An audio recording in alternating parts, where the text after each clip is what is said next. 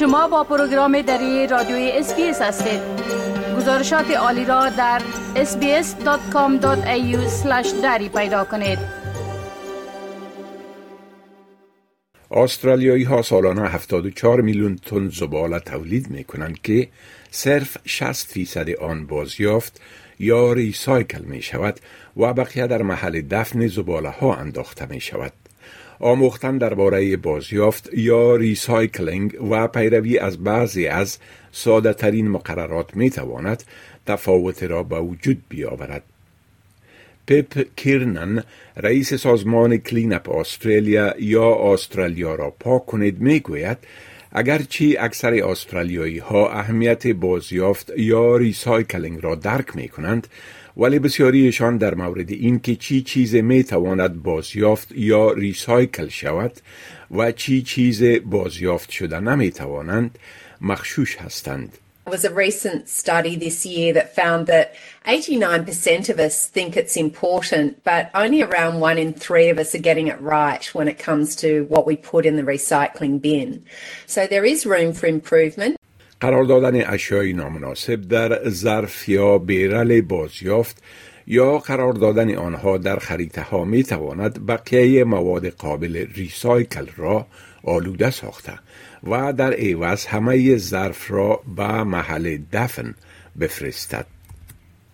مطالعات نشان داده که بسیاری از مردم اشیا را حتی در حال در ظرف بازیافت می‌گذارند که مطمئن نیستند که آیا این اشیا قابل بازیافت هستند یا نه. این وش سایکلینگ یا امیدوار قابل بازیافت بودن نامیده می شود و این روش یکی از عوامل عمده آلودگی است. Common mistakes we make are things where we think, oh, I wish that were recycling, I'm going to put it in. So things like tissues, kitchen towels, people put textiles in there, nappies. These items can contaminate the recycling, the whole truck of recycling and cause damage. And batteries are another really important one. They don't belong in the recycling bin.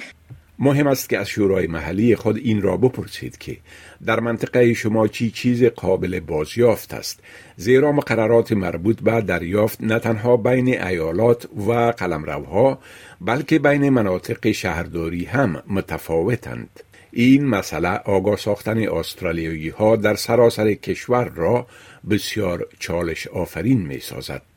ابزارهای آنلاین رایگان مانند گرینیس از جانب نهاد کلینوی می تواند هدایات در مورد ظرف زباله را برای منطقه محلی شما فراهم کند.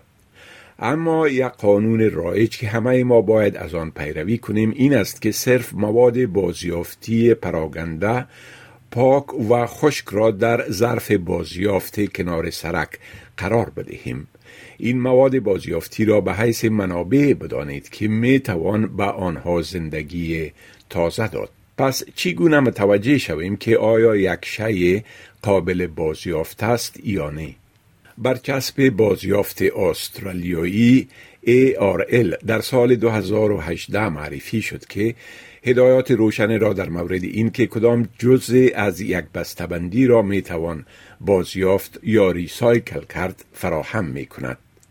خانم کیرنن توضیح می دهد که این اکثرا شامل جدا کردن بخش های مانند سرپوش ها و پوش های پلاستیکی است.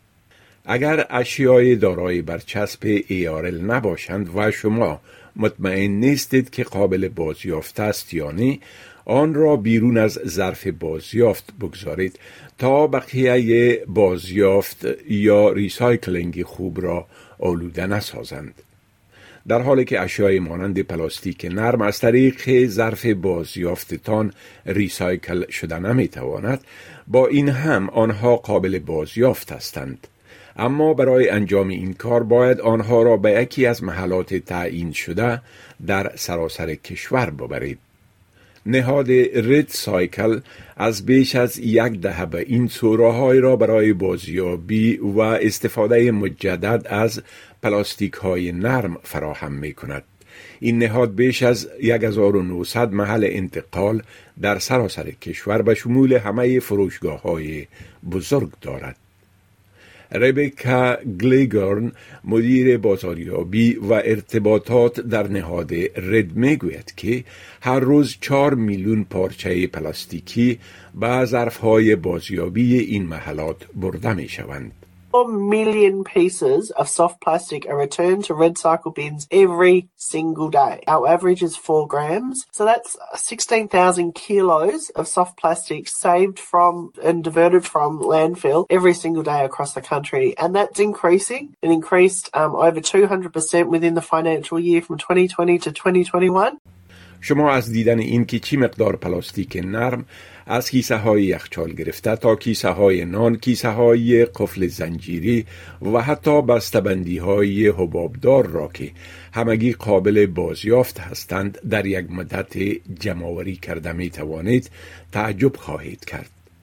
ولی استثناءات وجود دارند و مانند هر بازیافت در استرالیا ما همیشه باید برچسب ها را ملاحظه کنیم بعدا این پلاستیک های نرم تنظیم و به شرکای تولیدی ارسال می شوند تا به دیواره اساسیه زیربناهای سرک و غیره تبدیل شوند.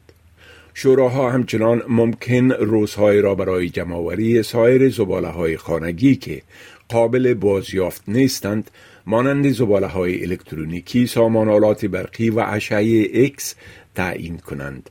آنها همچنان ممکن مواد کیمیایی و بیتری های خطرناک را برای از بین بردن مسئول آنها جمعوری کنند.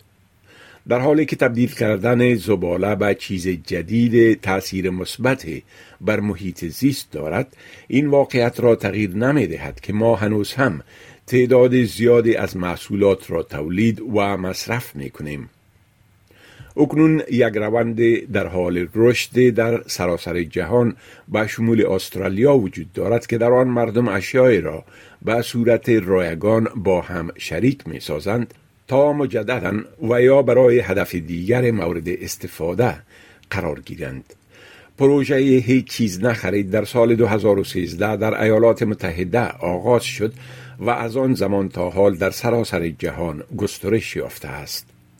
لیو مگنیس که دسته گسترده پروژه هیچ چیز نخرید را در ناحیه هلز سیدنی اداره می کند می گوید که مردم درباره این که منابع و اندوخته هایشان از کجا می آیند و به کجا می روند با پرسیدن سوالات شروع کردند. We've stopped thinking about the red bin as being a magical system where we put things in it guilt free and they disappear.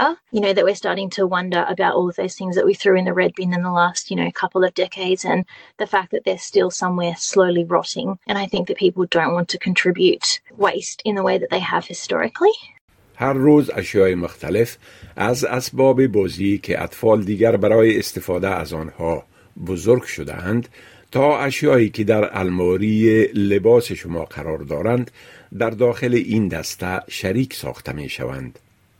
استفاده مجدد و استفاده به هدف دیگر از اشیا تأثیر دراز مدت مثبتتری بر محیط زیست دارد. این امر همچنان باعث تقویت جامعه می شود. برای مردمی که وارد جامعه می شوند این یک راه فوقالعاده برای ملاقات با مردم و تشکیل شبکه برایشان می باشد. اگر همه ما یک لحظه تعمل کنیم و ببینیم که چگونه زباله های خود را بازیافت یا دفع می کنیم تغییرات زیادی وجود دارد که می توانیم به وجود بیاوریم و نقش خود را برای این سیاره خود ایفا کنیم و این تغییر می تواند از امروز شروع شود